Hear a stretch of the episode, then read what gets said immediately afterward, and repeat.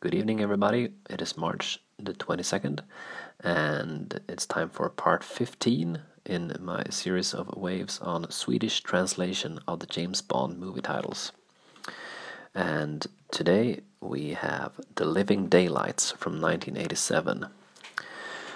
Uh, this is the first movie starring Timothy Dalton as James Bond. So for this one, Roger Moore is out, Timothy Dalton is in. Uh, and this is a movie I like very much. Um, it is absolutely on my top five list of Bond movies. And if I should go through that one chronologically up until this one, it would be From Russia with Love, um, For Your Eyes Only, and The Living Daylights so far. So, not in the order of which one I like the most of them, just in the chronological order. So, there are two more of my favorites coming up later.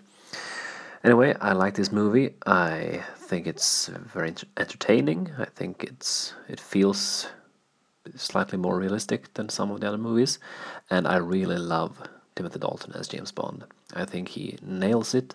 I think he takes the role serious, and I think he is probably the only one, one of the actors that I actually buy as being a serious paid assassin, which Bond basically basically is.